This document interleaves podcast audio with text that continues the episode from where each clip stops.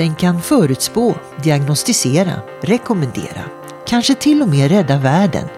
Lösningen på den moderna tidens utmaningar stavas AI. Detta är Hjärntillskott med Lydia.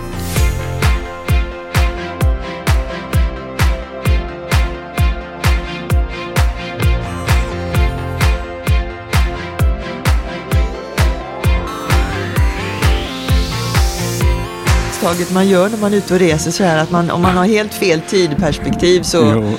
är man jobbig för hotellet liksom. Ja, ungefär så. Ja. Men Göran Lindsjö, hjärtligt välkommen till Hjärntillskott med Lydia. Tack så mycket. Ja. Jättekul att du ville ha mig med. Ja, tack för det. Eh, vi ska ju dels prata eh, mänsklig intelligens, men framför allt artificiell intelligens, i dagligt tal kallat AI. Eh, och, och, naturligtvis eh, så är det massor som man kan prata om när det gäller det här. Men, men AI, måste jag erkänna, låter väldigt mycket 2000-tal. Eh, men du har ju varit bekant med det här i snart 34 år. Ja. Kanske ännu längre. Vad blir det? Det är nog ännu längre. Eh, lägga på ett par år på det tror jag. Jo, det Snart 40, fyra decennier. Jag började på mitt första eh, AI-företag 1985. Mm. Ja. Mm. Och vad är det som är så eh, hett just nu då? Ja, eh, just nu, det, det, har ju gått i liksom igenom ett antal somrar och vintrar kan man säga AI då. Va? Men eh, just nu så är det ju verkligen högsommar på något sätt. Det är, händer väldigt mycket. Det kommer fram nya saker, användbara saker inom alla möjliga områden. Mm. Som används inom eh, produktion och sjukvård och distribution överallt. Mm. Men Göran, vad är det, det hetaste nu som alla pratar om, som jag vet eh, också bekymrar? Eh, alltså nu spelar vi in det här i december då, 2022 och det som har hänt de senaste veckorna, det har hänt ganska mycket saker de senaste veckorna. Eh, bland annat så har ju den här sättet att skapa bilder utvecklats enormt snabbt. Det vill säga att du skriver, man kallar det för en prompt, och du skriver en liten textsträng på någon kombination av saker du vill ha som definitivt inte finns. Eh, att det ska sitta en isbjörn och surfa på internet på ett flygplan. Det finns ingen sån bild, men den skapas. Den skapas när du ber om den eh, och ser riktigt snygg ut. Och du får flera varianter att välja på. Det har förbättrats enormt de senaste veckorna tycker jag. En annan sak är ett eh, spel som heter Diplomacy. Där man håller på och ljuger och drar varandra vid näsan på olika sätt och måste förstå hur motståndaren tänker. Ja, jag har blivit mästare på det. Men kanske det mest spännande det är något som heter ChatGPT som har hänt de senaste veckorna. Eh, det kan då svara på frågor, skriva texter, skriva långa essäer. Du kan skriva julrim och du kan be att julrimmet ska vara enligt St. James Bible eller vad du nu vill, vilken stilart det ska vara. Du, du kan göra mängder med saker. Så det skulle jag nästan uppmana den som lyssnar på det här när du är att titta på, på vad, vad, skulle just jag kunna använda någonting sånt till. Eh, och en sak som jag tycker är lite spännande där, det är ju att eh, det skriver så pass bra professionella texter. Så att frågan är hur eh, ja, konsulter, eh, vissa som jobbar på universitet, eh, kanske vissa advokater och så vidare. Det, det, är en ganska stor del av deras arbetsuppgifter som skulle kunna eh, faktiskt automatiseras till en stor del om man bara läser igenom och kvalitetskontrollerar det hela. Eh, och frågan är vad det får för konsekvenser då. Man kan ju tänka sig att eh, konsulter som använder sig av det här tar jobb från konsulter som inte använder sig av det här. Det vill säga det är inte så att eh, konsultjobbet kommer att försvinna. Men däremot konsulter som inte utnyttjar moderna hjälpmedel kommer att få det väldigt, väldigt tufft. Då. Så det, att det får en mängd konsekvenser tror jag. Det gäller att vara insatt i alla skeendena i, i det här eh, fallet helt enkelt. Ja men precis. Och återigen, det här behöver kanske även politiker och företagsledare, styrelseledamöter förstå mycket av, av möjligheterna som, som håller på att uppstå just nu. Och för de som kanske behöver lite hjälp med att eh, hamna på rätt bana vad AI är egentligen. Så bara ett exempel. Eh, ännu längre tillbaka i tiden när Alan Turing eh, faktiskt började med de här intelligenta maskinerna och knäckte Enigma-koden, tyskarnas kodade eh, kommunikation. Kan man tänka att det är där någonstans det börjar? Ja, på ett sätt så tycker jag det börjar med Alan Turing. Eh, det är ju en så fantastisk person. Det har väl gjorts lite långfilmer tror jag om honom också som är ganska spännande tycker jag. Ja, verkligen. Eh, på väldigt många sätt en fantastisk person. Och han hade ju de här idéerna men kanske inte riktigt eh, mekaniken och maskinerna fanns på den tiden fullt ut. Men ja, det kan man säga började där. Mm. Det var också ett gäng som samlades 1955 någonting, en sommar på Dartmouth College i New Haven eh, som definierade egentligen begreppet eh, AI. Då. Eh, och de, eh, ja, de, de förde det framåt väldigt mycket tycker jag också. Men de var ju också lite... Eh, tankarna kom innan de praktiska möjligheterna. Och det brukar ju vara så med riktigt goda idéer. Kanske tar lite tid innan de blir fulländade. Är AI fulländat idag? Nej, det tror jag ju definitivt inte. Det tror jag inte det någonsin kommer att bli. Mm. Eh, eh, om man ska förklara AI eh, så här teoretiskt så kan man väl säga att AI också kan vara automatiserad statistik. Genom historisk data kan vi förutse vad som kommer att hända. Det är inte bara eh, eh, mänskliga liknande egenskaper AI kan ha, utan det är faktiskt, den kan ju hjälpa oss väldigt mycket. Ja, kanske framför allt det. Eh, för att jag kan nog tycka genom åren det har varit mycket eh, fokus på just mänskliga egenskaper. Att, eh, ungefär att kommer AI att bli lika smart som eh, ja, ett barn? Eller kommer det Eh, lika smart som en mus kanske man skulle börja med eller någonting. Och sen då som vanliga vuxna och sen som Einstein. Och sen är tanken att det ska bli miljoner gånger smartare än, än det. Jag vet inte om jag tycker det är det mest produktiva och intressanta sättet att tänka på AI. Utan AI gör ju redan idag en massa saker som människor inte kan göra. Och kanske ännu mer intressant, det är ju när vi människor ställer oss på axlarna på AI och gör saker som ingen har gjort förut. Uh, och det tycker jag personligen är det mest spännande området då. Där man brukar prata om augmented eller förstärkande intelligens. Då. Mm. När jag sökte på nackdelar om AI, det är ett typiskt journalistiskt sätt att, att börja, eh, så stod det att eh, visserligen kan AI göra flera olika uppgifter effektivare än människor. Eh, men det negativa är att människor så småningom kommer ersättas av maskiner för många arbetsuppgifter. Det är väl ingen nackdel? Nej, eh, det, det, där är ju lite upp till oss var och en hur vi ser på det. Eh, alltså väldigt repetitiva, självstödande arbetsuppgifter kanske eh, vi kan vara utan. Ungefär som vi blev utan väldigt farliga och tunga lyft någon gång i tiden i huvudsak. Då, va? Eh, och det, det är också en orsak för en del organisationer att införa AI. Att, att det är just det som är syftet. Att de kanske har för hög personalomsättning för de har så tråkiga arbetsuppgifter. Mm. Det kan vara ett av många syften att, mm. att använda sig av AI.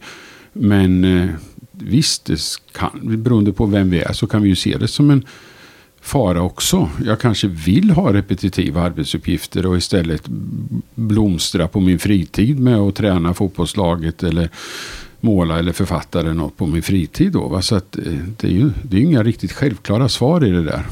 Kan du ge några exempel på var AI har eh, tillämpats bäst? Så att vi förstår funktionen. Ja, oj. Eh, ett intressant område är ju naturligtvis medicin, sjukvård, hälsovård där man kan prediktera saker på ett bättre sätt. Man man vet att till exempel tidigt födda barn kan få blodförgiftning snabbare än vad man visste förut och kan hjälpa till där. Man, man har bättre behandlingsmetoder. Man gör det mycket mer individuellt då. Eh, och på det sättet som man gör det mer individuellt i sjukvården, alltså inte liksom one size fit all som det har varit tidigare, så, så jobbar ju man i andra områden med AI också då. Till exempel en kreditupplysning eller någonting sånt. Man tar fram data och prognostiserar vad, vad det här kan leda ja. till så att säga. Mm. Prognostiserar som du har nämnt ett par gånger nu, det är ju ett av de mest spännande och största områdena för AI. Men det finns ju andra områden också då. Att diagnostisera eller rekommendera en produkt eller någonting sånt. Mm. Har du några personliga erfarenheter som gör att du särskilt brinner för olika delar av AI? Eh, nej, inte som jag kommer på så här direkt egentligen. Eh, det är ju självklart en, en, sån som jag, när man stöter på AI eller när man anar att det är AI under, under huven på något sätt. Då, va? Det är klart man blir nyfiken på vad det är för någonting. Mm. Eh, så att li, liksom vi alla så stöt, stöter jag också på AI då och, och, och, kanske är mer intresserad vad, vad det är för någonting när det kommer en, en typ av apparat man inte har tänkt förut. Jag menar, eh, jag har bott i USA nu i många år. Det är ganska populärt med sådana här saker som övervakar eh, barnen det första året och ser om, om de vaknar och sånt. Så att det är liksom en kamera som bara funkar internt i huset eller någonting sånt och ser att det rör på sig. Eh, det tänkte ju inte jag på när jag såg det första gången. Att ja men det är ju klart. Det, det är ju det är ju AI som är tränad på hur att det är någonting som rör sig på något sätt. Då. Och den reagerar om, om rörelserna är felaktiga eller på något sätt eh, ja, inte bra? Ja, man kan se om, om det skulle kanske ligga på magen och svårt att andas på något sätt. Eller vad det nu är, nu, nu är jag ute på hal is här. Mm. Men det, det vill säga det, det finns ju många sådana tillämpningar som man kanske inte tänker på. Eh, en annan sån här som folk inte normalt tänker på det är när de använder kreditkort. Att för ett antal år sedan så var det ju då eh, hårda regler så att säga för hur, vilka gränser du kunde använda ditt kreditkort. Idag är det ju tränat på miljarder transaktioner som några tusen som du kanske har haft men framförallt miljarder transaktioner som andra människor har haft. Och det där kan jag tycka det är lite svårt att förstå om, om Lydia eh, åker för första gången i sitt liv till ett land hon aldrig har varit och betalar en ganska dyr hotellräkning så blir inte kortet spärrat. Därför att det här systemet då från de här kreditkortsföretagen är tränade på så väldigt många andra exempel. Och det kan vara lite knepigt tycker jag att förstå. Hur hjälper det just Lydias situation att andra har använt det på olika. Men det, det är just på grund av att det är så otroligt stora mängder data det handlar om. Mm. Och det här är sådana där funktioner som man ändå kan greppa lite grann. Men om vi försvårar det hela och pratar om självkörande bilar och, och så där. Och så kommer man in på moral och vem är det som ska ansvara för AIns beslut? Jag tycker ett exempel som är väldigt talande, du har säkert hört det förut. Eh, du sitter i en självkörande bil, kanske slumrar till lite grann. Bilen sköter allt. Bilen upptäcker att det är två cyklister eh, på höger sida och fem barn på vänster sida. Den måste svänga vänster eller höger för annars kommer den att köra ihjäl sin förare, det vill säga den som sitter i bilen. Och det här valet eh, är ju naturligtvis så mycket mer avancerat. Hur tänker en AI där och vem programmerar den att tänka på vilket sätt så att säga? Ja, jag det där är ju en fara att man så att säga delegerar de besluten som du beskriver till ja, någon som gör systemet som inte alls har en bakgrund i ja, etik, moral och liknande. Då, va? Eh, så det är definitivt en fara. Eh, samtidigt så, nu är det väl så just med självkörande bilar att eh, är det något som har dragit ut lite grann på tiden Eh, att implementera fullt ut så kanske det är det. I idag försöker man väl se till så att föraren vaknar ibland och, och är lite uppmärksam då. Eh, men, men, men visst, det, det finns ju svåra sådana beslut.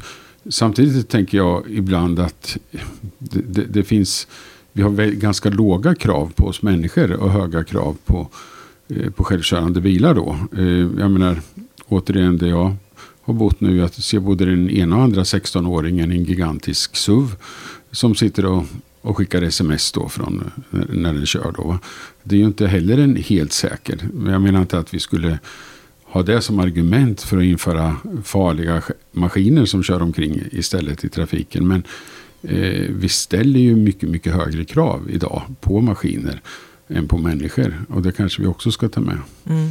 Eh, du har ju rest eh, rätt eh, frekvent i, i, världen och, pratat om just AI. Men du har bott i USA. Varför då? Eh, ja, det är dels av privata skäl då. Men eh, sen är det också där som mest har hänt än så länge och fortfarande händer. Det är USA och Kina eh, som, som är ledande vad det gäller inte bara forskning utan även tillämpning på många sätt.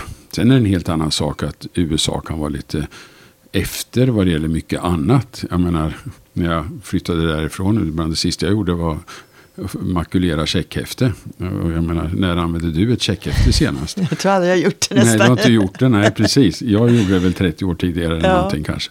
Så jag menar, det är ju inte så att jag menar att de ligger före i allt. Men de ligger, ligger ju före i, i det här området. Och, och fördelen de länder har som ligger långt fram. Det är att de ju får test. De, de testar ju på lite på riktigt eh, gränserna för det här som du är inne på med etiska saker och sånt också det är på något sätt svårt att uppfinna säkerhetsbältet innan man uppfinner bilen. Man önskar man skulle kunna göra det men det är faktiskt inte så enkelt att göra det. Mm. Och det blir lite grann samma sak här. Man behöver, man behöver eh, prova på lite grann för att, för att förstå.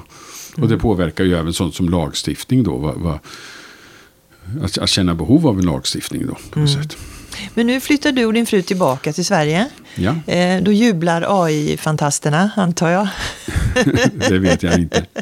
Men vad är det någonstans du tycker Sverige borde steppa upp i, när vi, i den här kontexten? Ja, jag, jag tror vi behöver eh, steppa upp på många sätt egentligen. Vi, vi behöver förstå att det går snabbare på andra ställen och därför behöver vi lära Eh, idag så tycker jag lärandet eh, sker ganska mycket internt i Sverige. Vi tittar på vad vi själva har. Eh, men det finns väldigt mycket färdigt att lära av andra. Eh, och vi behöver få ledare som förstår, inte själva AI som sådant, inte själva tekniken kanske är det viktiga. Det gör väl inget om man gör. Men de måste förstå vad det får för konsekvenser, vad det finns för möjligheter. Eh, om man tänker på näringslivet, vad det finns för nya typer av, av affärsmöjligheter som om inte de själva tar dem så är det någon annan som kommer att ta dem. Mm. Eh, och där ligger vi inte alltid så bra till då. Eh, och på den offentliga sidan är det likadant. att man eh, man kan lära från vad gör man i äldrevård i Norge eller vad, vad gör man inom sjukvård i Finland och så vidare. Eh, så att det finns väldigt mycket färdigt idag som vi kan dra nytta av som vi inte gör tyvärr. Mm. Och, och, jag vet att du eh, tycker om att prata om eh, de här gränserna som luckras upp när det gäller naturvetenskap, teknik respektive humaniora och samhällsvetenskap. Vad, vad är det AI luckrar upp där menar du? Ja, alltså det kanske inte luckrar upp så mycket som att det finns ett behov tycker jag av både och.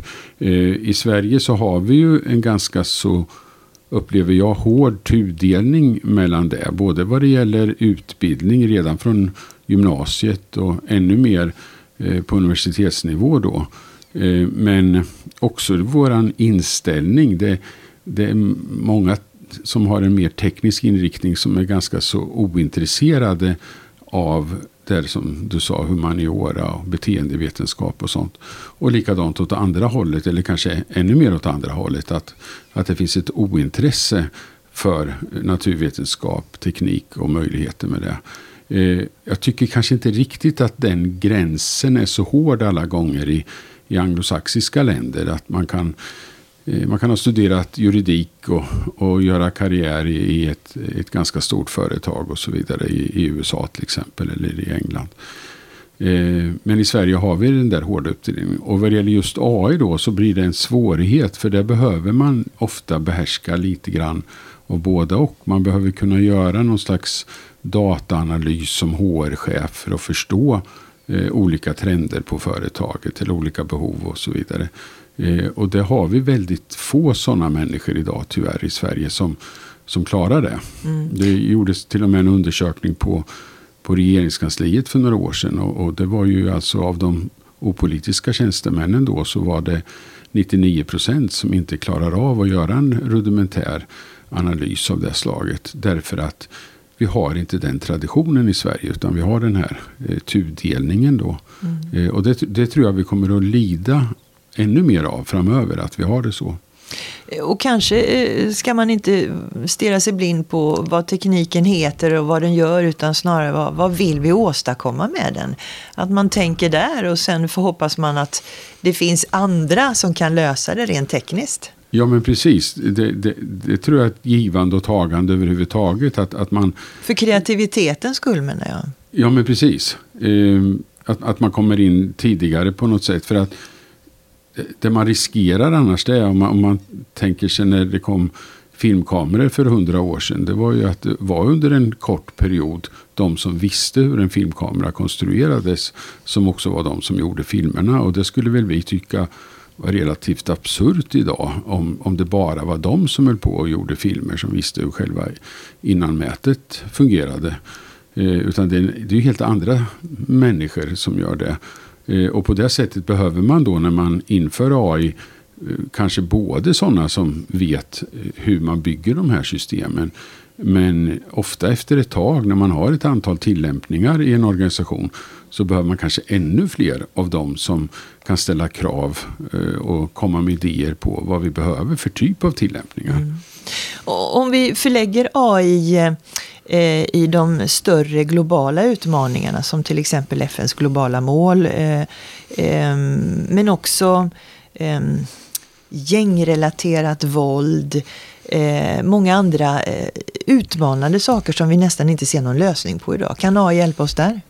Ja, det tror jag absolut. Jag vet inte om det är någon universallösning på något sätt. Och det var väl inte så du frågade heller. Men ja, visst kan det hjälpa. Hur, hur då?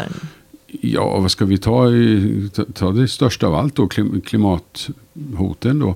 Där kan man ju dels, eller gör man ju redan, analyser med hjälp av AI som blir mycket, mycket mer exakta eh, och mycket, mycket bättre prognoser på olika sätt tack vare att man använder Det är det forskarna AI. och media använder när de pratar om hur lång tid vi har kvar innan vi kan innan det är liksom ja. svårt och reversibelt och så vidare. Eh. Precis, om man inte använder AI då, då, då blir det ganska så trubbigt på något sätt.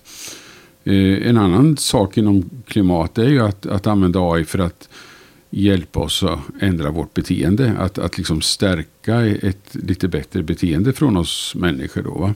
Eller från ledare av olika slag.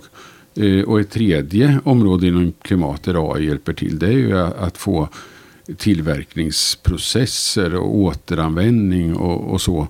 Eh, alltså, cirkulär ekonomi på ett helt annat sätt med hjälp av AI. Eh, och, Vackert ord, cirkulär ekonomi. Ja, eller... Vackra ja, ord. Vackra ord. Eh, eller more for less som man säger i USA. Då, att, att vi kan fortfarande ha en del av våra prylar. Men att de kostar en bråkdel av resurser att ta fram då på olika sätt. Så att om vi bara tar det av de 17 målen så finns det ganska mycket som AI kan stötta. Och motsvarande är det i, i andra mål. Då, va? Gängrelaterat våld sa jag innan. Ja, eh, jag har väl inte funderat så mycket på det. Men överhuvudtaget kring trygghet finns det en hel del eh, att, att analysera. Eh, orsakssammanhang, att analysera vad händer härnäst Eh, och så vidare. Så att eh, absolut. Det är väldigt lätt att, att, fastna i med glädje i den här prognosdelen av AI. Att så att säga eh, hjälpa oss att fatta bättre beslut så att vi inte gör bort oss och att det får konsekvenser i, i framtiden. Eh, men det finns ju också en, en, en, en fara i det här naturligtvis. För det är ju även the bad guys som använder prognoser i massa olika sammanhang. Vem kan ta ansvar för balansen och gränserna här? Jo, det, det måste ju, upplever jag, nästan politiken göra och den behöver då kanske få påtryckning från allmänhet och sådana som du då, journalistik och sånt och förstå eh, vad man, eh, varför man behöver sätta de här gränserna. Eh, och för att, för att politiken ska kunna göra det så måste det återigen finnas en hel del kunskap där om vad som är på gång. Eh, och jag kan tycka när jag möter politiker både i Sverige och andra länder att, att man ryggar ändå tillbaka lite grann. Det finns många undantag från det men det, det är ganska många som tyck, tror att det är en teknisk fråga. Eh, och, och, och abdikerar lite från det ansvaret då. Nu gör du mig orolig för beslut fattas ju hela tiden då på okunskap. Nu nickade, ska jag säga till mm, de som ja, inte förlåt. ser. Ja. Jag ska inte kommunicera genom att nicka och skaka på huvudet. Men du, du, du, du eh, eh, håller med om det i alla fall? Ja, det, det, det gör det. det. Det är på okunskap väldigt mycket. Mm. Men det finns ju många andra typer av politiska beslut som inte har med kanske faror med AI att göra. Som också eh, okunskapen eh, är, ganska, ja, är farlig på ett sätt. Då, va? Eh, Sverige satsade till exempel väldigt mycket på att få hit stora datacentraler av olika slag. Eh, när andra länder satsar på att få dit forskning från samma företag som datacentralerna.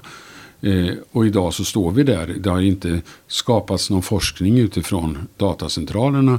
Men de drar väldigt mycket el istället. Och vi bjöd på då för ett antal år sedan på, på, på 96 procent eller vad det var rabatt på, på el och på mark, billig mark och så vidare. Och det är det här som hände i Norrland då som fortfarande händer? Ja, det är ända ner i Staffanstorp det händer. Det har ju hänt i hela landet då. Va?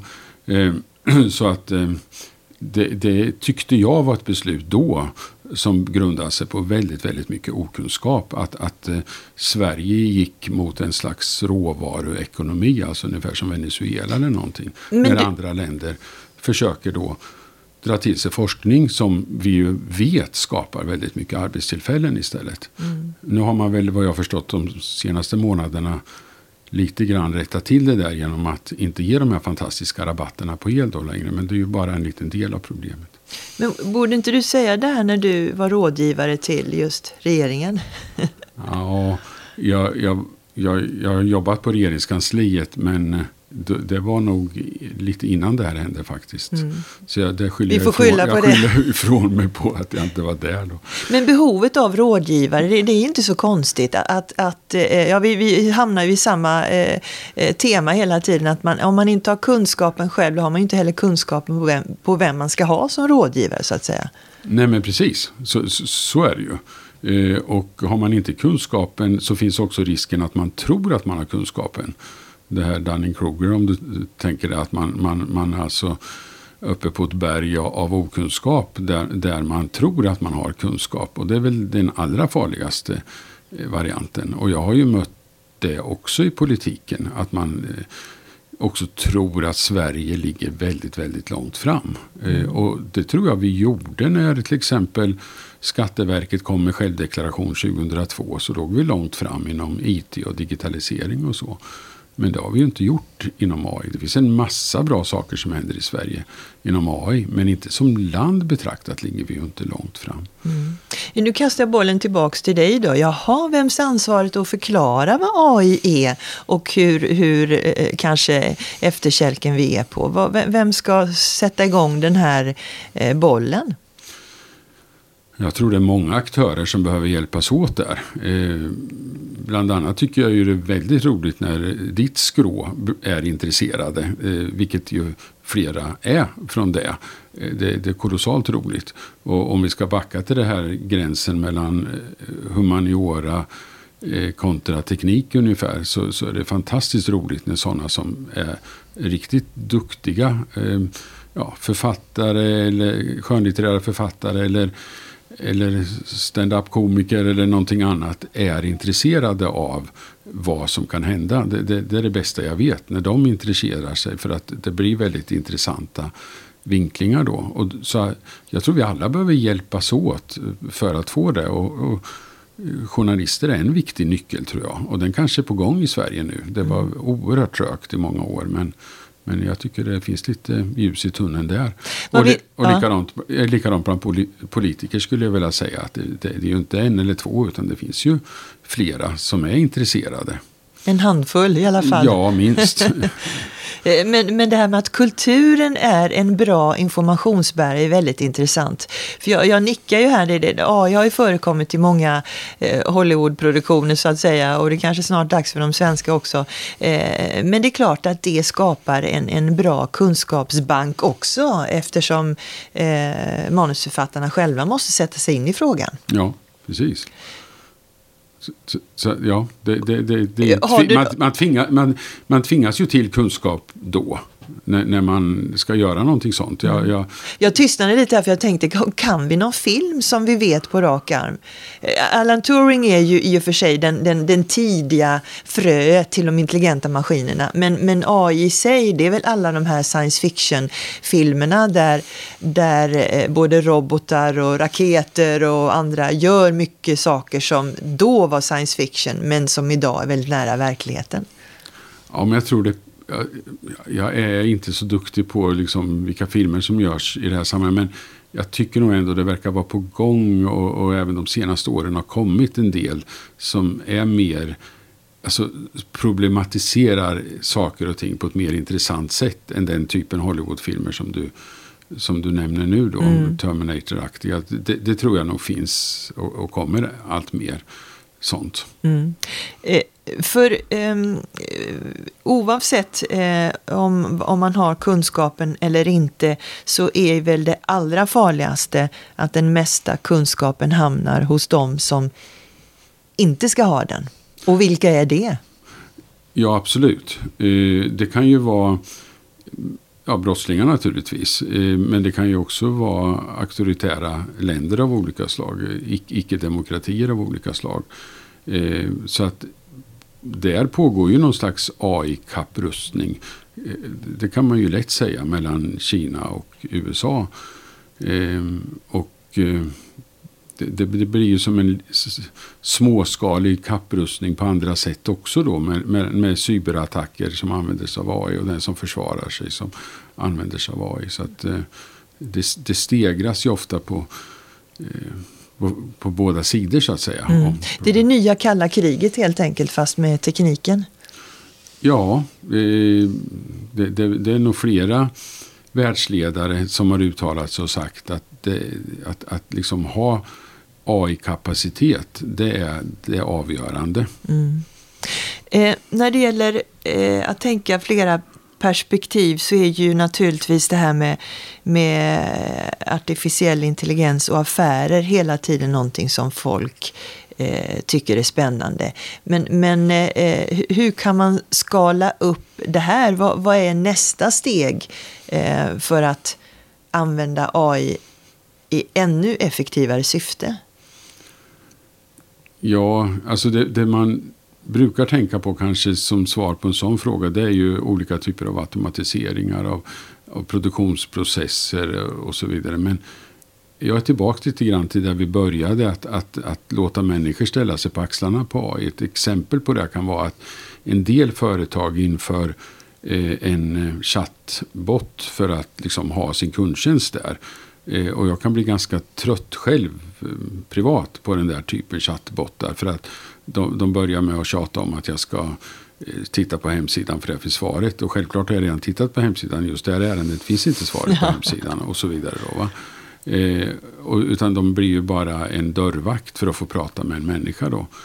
Eh, medan andra då eh, använder AI för att förstärka de människor som, som svarar. Och där har det hänt en del intressanta saker, åtminstone i USA bland de företag som gör det. För dels får man då svar vid första tillfället. Man får hela, även den komplicerade lösningen vid första ja, samtal då, säger om man, om man, om man, eller om man chattar, vilket mm, sätt man nu använder sig av. Eh, och, och, dels eh, får ju den som jobbar i en, i en sån miljö som tidigare kanske var ett exempel på en, en ganska så utarmad eh, repetitiv arbetsmiljö. Den får ju ett annat innehåll både genom att kunna serva med, med en lösning som kanske kunden eller medborgaren eller vem det är, är väldigt tacksam för. Eh, och dels så har det visat sig då i USA att är det några som har tjänat på det eh, rent krast vad det gäller Mm, så att säga, vilken ersättning de får, vilken lön de får, så är, så är det sådana människor som har kunnat förstärka där. Då, va? Så att, eh, man, man har i någon undersökning kunnat se att, att de med lägst inkomster har tjänat mest på att använda sig av AI. Och det är då ett exempel, den här typen eh, kundtjänst där man både får prata med en människa och får en lösning på problemet. Mm. Jag tänkte när vi pratar om, om, eh, vi pratar om allting på en gång här känns det som, men det är så AI fungerar lite grann. Eh, när man tittar på nyheterna, de svenska nyheterna, så textas de ju också av en, en, en, en, en AI-funktion där språkigenkänningen eh, också är en fascinerande eh, del av AI och att eh, man kan programmera en, en, en, eh, en, en dator att skriva en, den bästa romanen någonsin. För att man mm. programmerar den med alla ingredienser. Det, det, det, det, vi kanske ser och lyssnar på saker som eh, vi själva inte har skapat men som vi har bett eh, tekniken skapa. Är det bra eller dåligt? Ja, jag har nog personligen inte så mycket bekymmer med, med det. Att, att, att det skap, och vem som skapar det, så att säga. Om det är en maskin eller människa eller någon viss typ av människa eller någonting. Det är väl själva slutprodukten som jag kan tycka är intressant många gånger. Då. Eh, men eh, det som har hänt den senaste tiden här det är ju att mm, AI har blivit väldigt, väldigt duktig på att producera texter av olika slag. Och då tänker jag kanske inte på den mest högstående romanen eller så, utan det man skulle kunna kalla för någon slags mellannivå på texter. Det vill säga det som eh, folk eh, i akademi skriver eller det som eh, dyra konsulter skriver eller någonting sånt. Där har ju AI blivit otroligt duktiga. Alltså, alltså, kanske inte det ny barn som är nybörjare skriver, men någon slags mellannivå, då, någon professionell sån. Och det tror jag tål att tänka på. Vad händer då? Om det är en stor del av leveransen för en advokat eller managementkonsult eller vad det nu är för någonting. Vad, vad händer när man börjar automatisera 98 procent av det och det enda jag behöver göra är att läsa igenom och se att det ser okej ut. Ja, då blir advokaterna sura. Ja, eller så är det så att vissa advokater utnyttjar det här mm. medan andra inte hänger med. Och då, Just det, du kan skriva fler avtal naturligtvis exakt. i timmen. Mm. Och du vet dessutom i förväg eh, hur stort ett uppdrag är så du kan ge ett fast pris på ett sånt till exempel. Mm. Så det, det, det, finns så många sådana konsekvenser egentligen. Som går, det blir konsekvenser och konsekvenser. Mm. Eh, vad pratar vi om om fem år, om vi sitter du och jag här och pratar om just det här ämnet. Vad har hänt då? Oj, jag brukar, jag, jag, brukar vara så upptagen av allt som händer för tillfället. Så jag, eh, jag, Apropå prognostisera. Ja, men precis. Jag, jag är ingen bra på, på, på, att prognostisera. Jag tycker det blir så... Eh, man, man förstorar upp det som har hänt den senaste tiden och extrapolerar det in i framtiden, tycker jag. Eh, så att... Alltså... Det, det sker ju ett antal tekniska saker. AI kan tränas på mindre och mindre data. Eh, det blir mer och mer exakt och så vidare. Och det kommer ju att påverka vad som har hänt till fem år. Det, det betyder ju bland annat att det kommer tillämpningar där vi inte hade data förut. För att ta ett sådant exempel så finns det väl 2000 språk i Afrika eller någonting sånt där. Och det är ju en svårighet att få handel och, och mycket annat att fungera i Afrika. Eh, och nu är det ju redan då på gång översättare mellan alla de här språken. Och tidigare har vi ju inte kunnat träna då på, eh, på så, så små språk. Men nu behöver vi inte mer än det för att, för att kunna göra det. Så att eh, det blir ju konsekvenser av den, så att säga, vi kallar det för tekniska utvecklingen där. Eh, annars så tror jag att ja, om fem år då har vi det här som, som jag hoppas på. När, att, att eh, folk överhuvudtaget har fått en större förståelse för konsekvenser och möjligheter. Företagen har fått det, politikerna har fått det, eh, tjänstemän på våra myndigheter har fått det. Och det blir ju väldigt spännande att se vad händer då när en eh, HR-chef på en halvstor myndighet förstår sina möjligheter som de i allmänhet inte gör idag. Då. Eh, det, det är där det kommer att skapas så som vi var inne på tidigare, tror jag. I det lilla men också i det stora. Och kanske till och med göra gott för hela världen. Jo. Men, men i och med att det är ett så kraftfullt verktyg och du var inne på det här nackdelar och uh, ungefär brottslingar och så. I och med att det är så kraftfullt verktyg så, så blir det ju helt avgörande vem som använder sig av det här kraftfulla verktyget. på något sätt. Vilken cliffhanger, Göran. Tack för att du kom hit. Tack så hemskt mycket.